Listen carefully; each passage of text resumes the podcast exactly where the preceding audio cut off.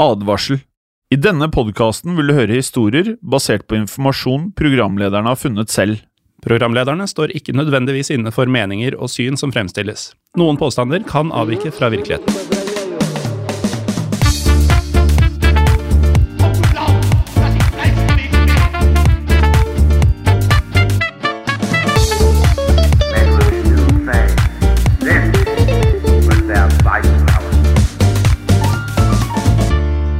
Og velkommen til Historie på den andre verdenskrig. Mitt navn er som alltid Jim Fosheim. Og jeg heter Morten Galaasen.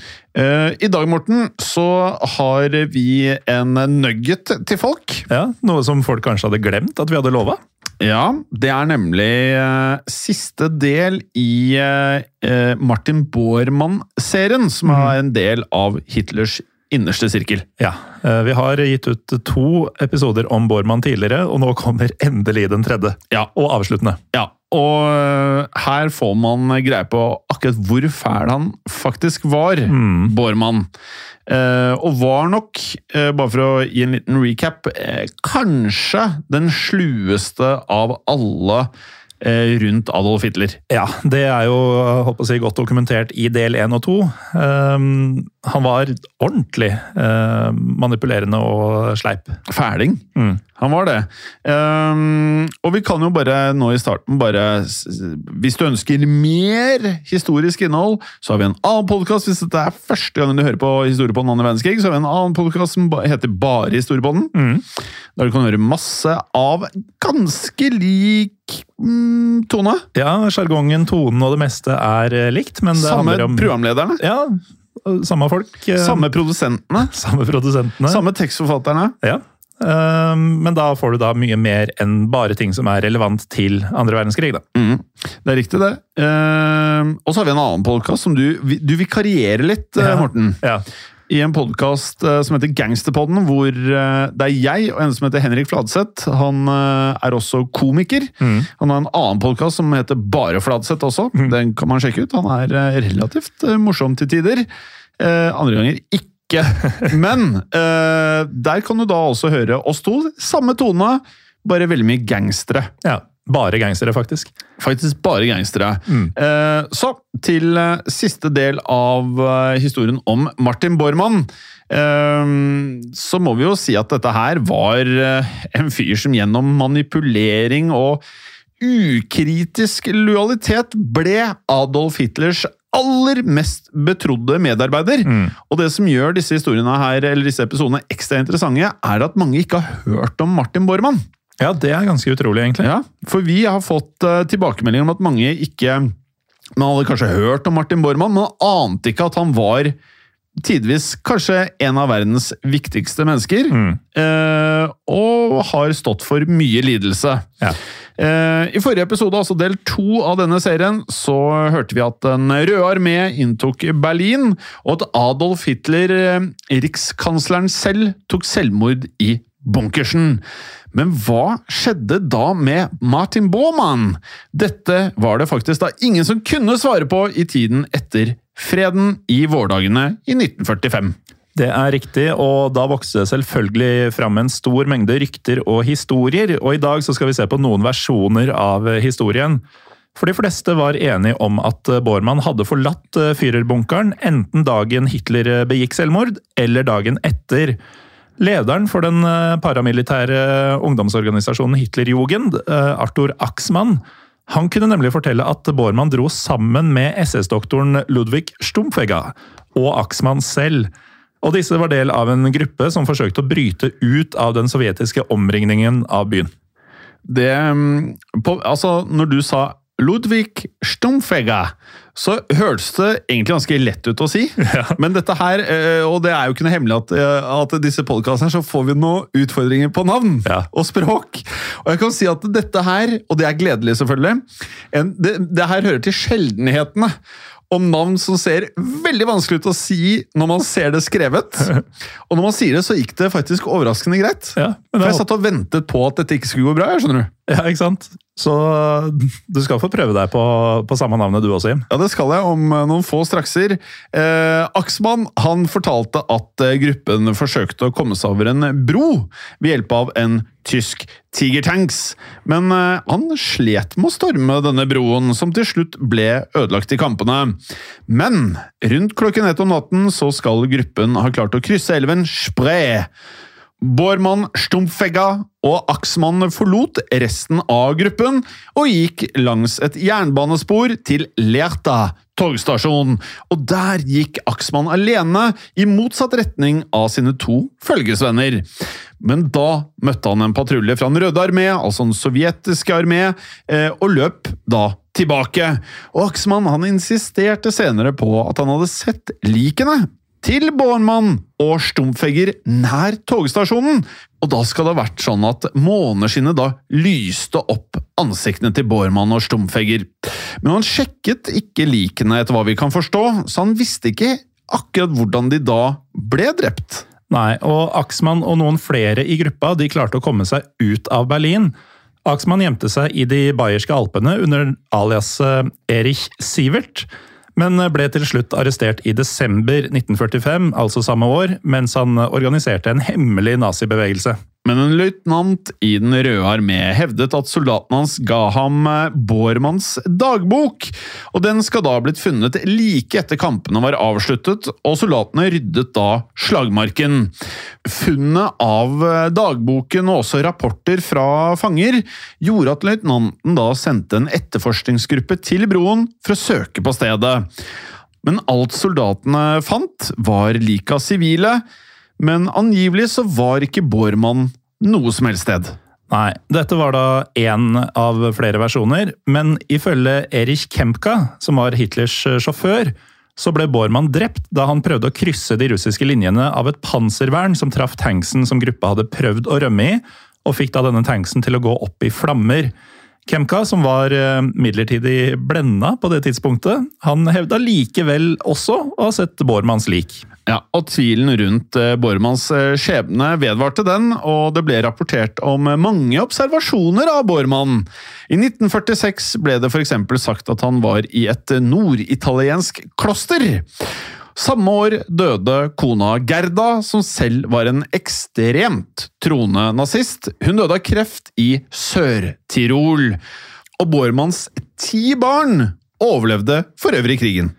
Det ble utført en etterforskning for å finne Bormann og stille han til ansvar, men uten resultat. Og under de alliertes rettsoppgjør mot høytstående nazister i Nürnberg-prosessen i 1946, så ble Bormann derfor eh, dømt til døden in absentia, altså i sitt fravær, for han var jo da ikke i eh, rettssalen. Hans eh, rettsoppnevnte forsvarer brukte det uvanlige og mislykkede forsvaret at retten ikke kunne dømme Bormann fordi Bormann allerede var død. Ja, og I årene som fulgte, så ble det da påstått at eh, Bormann hadde rømt, som mange andre nazister, via Roma til Sør-Amerika. Og det gikk også rykter om at han hadde bosatt seg i Argentina, eh, hvor han da bodde i hemmelighet som eh, en millionær, og han ble angivelig observert i både Brasil og også i Chile. Og vi vet jo det, Morten, at eh, det har eh, vært en og annen nazist etter krigen som bodde i Argentina. Ja, altså Det er jo ganske mange som vi veit om, og det finnes jo enda flere konspirasjonsteorier om eh, nazister som muligens eller muligens ikke også flytta til Argentina. Som for eksempel Adolf Hitler. Mm. Eh, og hvis det var slik da at Bormann fremdeles var i live, så var han like diskré og så utspekulert som da han navigerte seg mot toppen av naziregimet. Så, i 1965, så kom det nye opplysninger på bordet, for da uttalte en pensjonert tysk postarbeider ved navn Albert Krumnov at den 8. mai 1945 så skal sovjetstyrkene ha beordret han og kollegene hans til å begrave to lik som ble funnet nær Lerter togstasjon, som nevnt tidligere. Og det ene av disse likene var angivelig et medlem av Wehrmacht, og det andre var en SS-lege. Ja, og Krumnov han hevdet at det ble funnet identifikasjonspapir på det ene liket med navnet Dr. Ludvig Stumfegger, altså mannen som var med Bormann da har flyktet. Og Sovjeterne de eh, makulerte da papirene, men de sørget for at Stumfeggers kone ble varslet, og hun fikk vite at ektemannens kropp var, og jeg siterer her, eh, Morten, begravet sammen med likene til flere andre døde soldater på eiendommen Alpendorf i Berlin, Invalidenstrasse 63. 66. Altså 63. Ja. Um, og dette var mildt sagt eh, interessant informasjon, og i midten av 1965 så gravde Berlin-politiet opp det påståtte gravstedet på jakt etter Bormanns levninger, men de fant ingenting. Kromnov uttalte da at han ikke lenger kunne huske nøyaktig hvor han hadde begravd disse likene. Og selv om knokler var blitt oppdaget, så ville det bli svært vanskelig å identifisere dem som Martin Bormanns knokler. Noen mente at den eneste måten å identifisere Bormann på, ville være å finne glasspartikler fra en cyanidkapsel i kjeven, men det ville i så fall være et mirakuløst funn. Ja, og Dermed så fortsatte spekulasjonene, også ryktene om at Bormann var i live, og det ble også rapportert om flere observasjoner i både Europa og Sør-Amerika. Men ingen av disse var spesielt godt dokumenterte. Likevel mente da flere historikere, faktisk, også journalister, at det fantes bevis for at Bormann levde og hadde det bra i Sør-Amerika. Forfatteren Ladislas Faragos sin bok fra 1974, som het som følger Aftermath. Martin Bormann and The Fourth Reich hevdet da at Bormann hadde overlevd krigen, og at han bodde i Argentina. Faragos sitt bevis, som lente seg på offisielle myndighetsdokumenter, var overbevisende nok til å få en advokat fra Nürnberg-prosessene til å gjenåpne en aktiv etterforskning for en eh, kortere periode, 1972.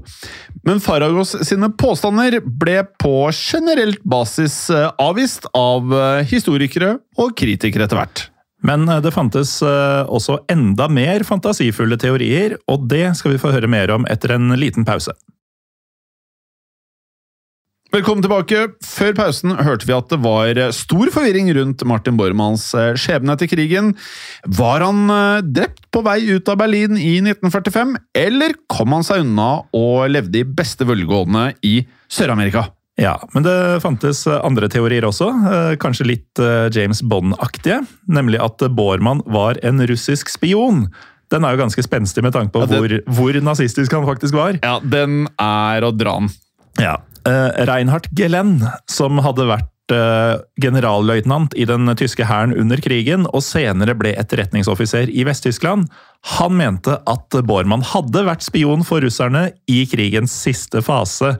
Så Bormanns eh, såkalte forsvinning i disse maidagene i 1945 var egentlig at han overga seg til russerne, som han da tydeligvis hadde jobba for en liten periode. Og Bormanns spionasje skulle visstnok forklare hvordan de allierte kunne reagere så fort på beslutninger og hendelser på tysk side under krigen. Men da Reinhardt Gellen hevdet dette i memoarene sine, som han skrev på slutten av 1960-tallet, så visste ikke Gellen at eh, britene med Alan Turing i spissen hadde knekt enigmakoden til tyskerne, og det var slik de allierte fikk informasjon som ellers var kryptert og også svært hemmelig. Og detaljer fra Enigma-prosjektet ble ikke offentliggjort før mange, mange år senere. Nei, og selv eh, garvede agenter i store etterretningstjenester, som eh, britiske MI6, lot fantasien ta overhånd i jakta på Bormann. Ifølge offentliggjorte dokumenter ble Bormann nærmest beskrevet som en tegneseriefigur av en naziflyktning.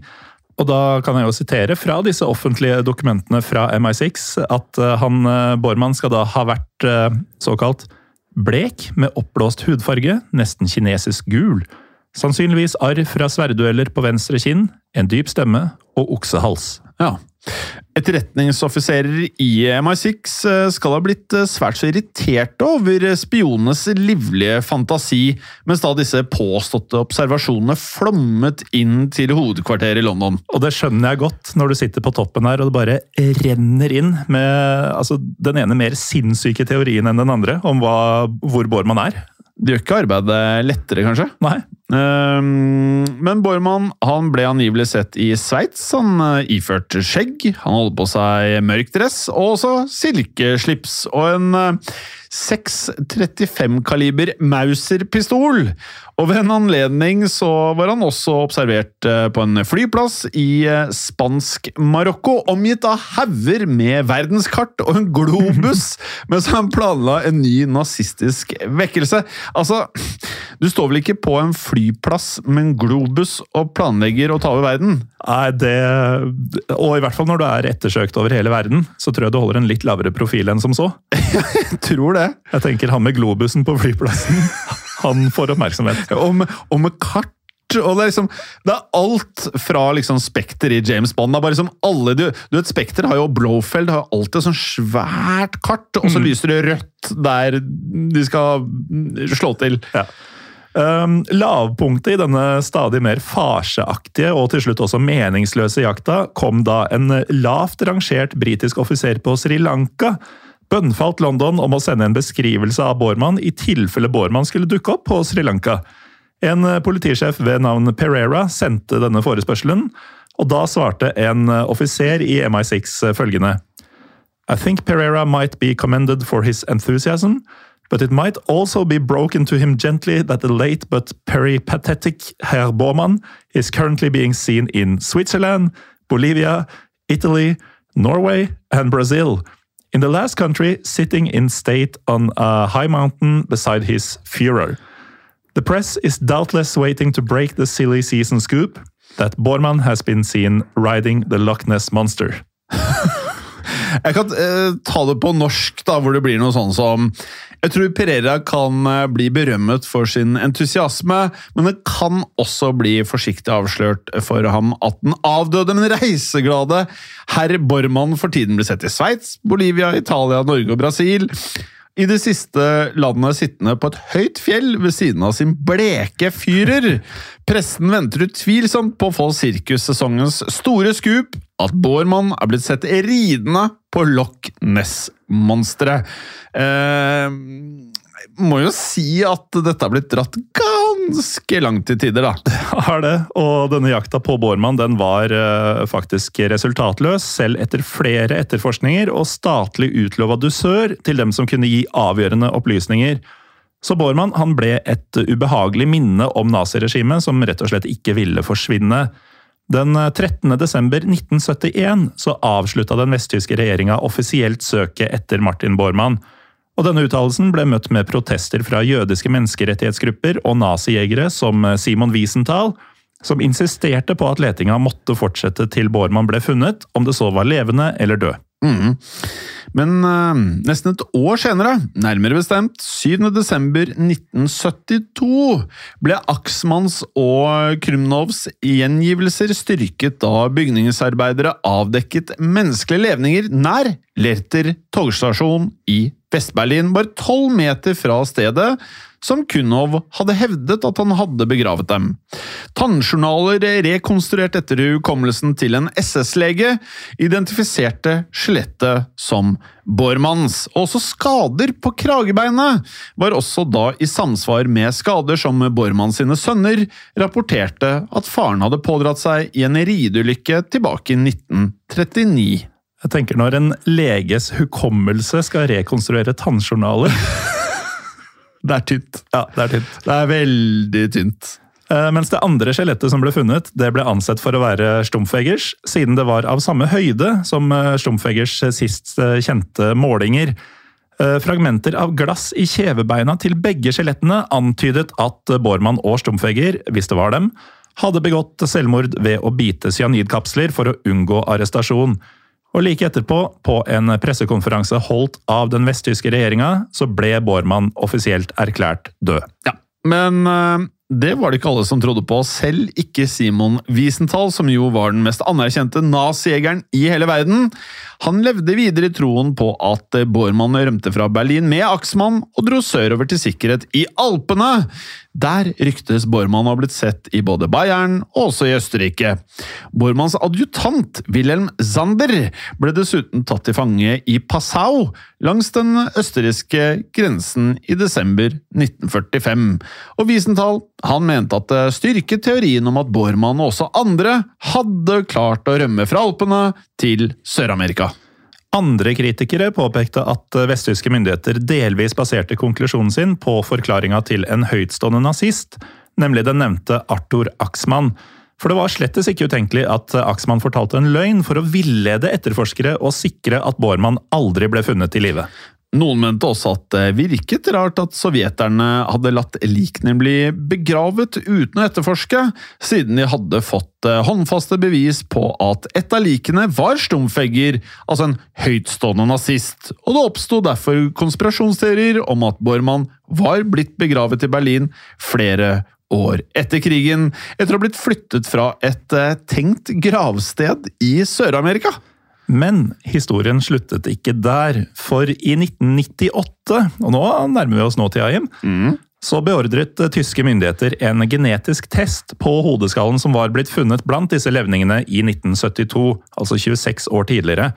Og det ble brukt DNA fra en av Bormanns slektninger for å fastslå identiteten. Og testen viste da at hodeskallen var Bormanns. Med andre ord så kan det da tenkes at denne ville rekonstruksjonen av denne SS-legen, basert på hukommelser Kanskje det var noe i det, da? eller? Kanskje ikke var så tydelig likevel. Nei, nei. Bormanns levninger ble da kremert, og asken ble spredt i Østersjøen av Bormanns eldste sønn, med følgende navn Martin Adolf Bormann. Du får vel ikke et mer belasta navn enn Martin Adolf Bormann? Ja, Det er jeg helt enig i. Altså, du har klart å ta de to mest høytstående nazistene sine navn, og på en eller annen måte da klemme det inn i ett og samme navn. Ja. En som da hadde et litt heldigere navn, kanskje, er jo da altså, hoved-Martin Bormanns eh, bror, eh, Albert Bormann. Som vi også husker eh, var embetsmann i nazipartiet. Han eh, lyktes jo med å komme seg ut av Berlin i krigens siste dager. Og han jobba på en gård til april 1949, da han ble arrestert. Da ble han dømt av en avnazifiseringsdomstol i München til seks måneders hardt arbeid, og ble løslatt i oktober 1949. Og Albert Bormann han mislikte sin storebror Martin Bormann så sterkt at han ikke engang ville snakke om broren i intervjuer etter krigen. Albert Bormann nekta dessuten å skrive memoarer, og han døde som en glemt mann i 1989, 86 år gammel. Ja, det er eh, det, Altså, nå er jo Martin Bormann en av de eh, viktigste, eller mektigste nazistene i, eh, under annen verdenskrig. Men eh, jeg må jo si at det ikke er blant de mest kjente historiene heller. For eksempel før vi startet arbeidet med dette, så visste jeg ikke at det var masse konspirasjoner rundt uh, tiden etter hans angivelige død. Nei, og det er jo derfor, eh, eller Litt av grunnen til at vi har venta såpass lenge med denne siste delen, er jo at eh, selv om dette er en del av en trilogi, så føler vi at tida etter krigen og alle disse historiene her i praksis kunne vært en egen episode. Um, men altså, det er jo som du sier, det er jo en utrolig, han var en utrolig viktig og mektig mann under krigen og før krigen. Uh, og en viktig mann for eh, diverse etterforskningsorganer etter krigen. Eh, og derfor ville vi gjøre dette skikkelig. da. Så vi håper at disse tre episodene om Martin Bormann har eh, gitt de som hører på, et tydeligere bilde av, over hva slags fyr dette var. Eh, og med det, Morten, så må vi jo takke for denne gang. Vi håper jo at folk ønsker å rate oss på iTunes og på Spotify, som også nå har fått en sånn stjernefunksjon. Eh, vi heter Historiebånd Norge på Instagram og på Facebook. Og vi har en Facebook-gruppe som heter Historie for alle. Det har vi også. Og der inne, del ting eh, så mye dere bare orker, men skriv litt tekster over bildene. Skriv noe sånn at folk skjønner hva som gjør historien spesiell, eller boken eller filmen. Og med det, Morten, så kan vi definitivt si at noe av dette har skjedd. Ja. Og noe av dette kan skje igjen. Det kan det. Ha det! Ha det! Historiepodden ønsker å takke følgende. Dere som hjelper oss som sitter i produksjonen. Dere som hjelper oss som sitter i redaksjonen, inkludert eh, tekstforfattere. Det er Helt riktig. Og dere som sitter på marked, som faktisk da gir oss muligheten til å drive med Historiepodden. Og selvfølgelig alle dere som hører på. Tusen takk. Moderne media.